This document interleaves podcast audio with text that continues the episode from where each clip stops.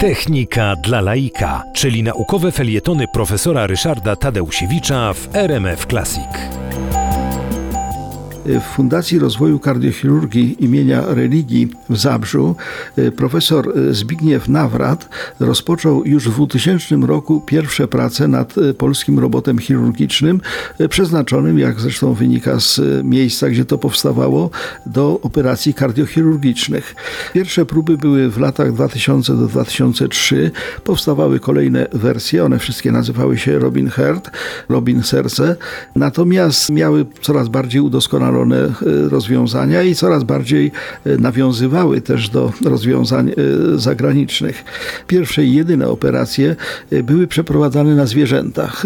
Świnia ma bardzo podobne serce do człowieka, wobec tego właśnie na świniach były wykonywane pierwsze operacje tego robotem Robin Heart.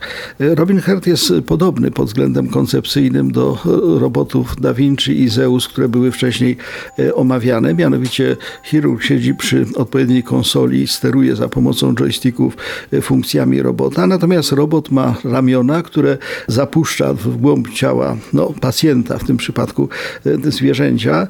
E, no i dodatkowe jest oczywiście wejście z kamery takiej endoskopowej, która pozwala zobaczyć pole operacyjne wewnątrz ciała pacjenta.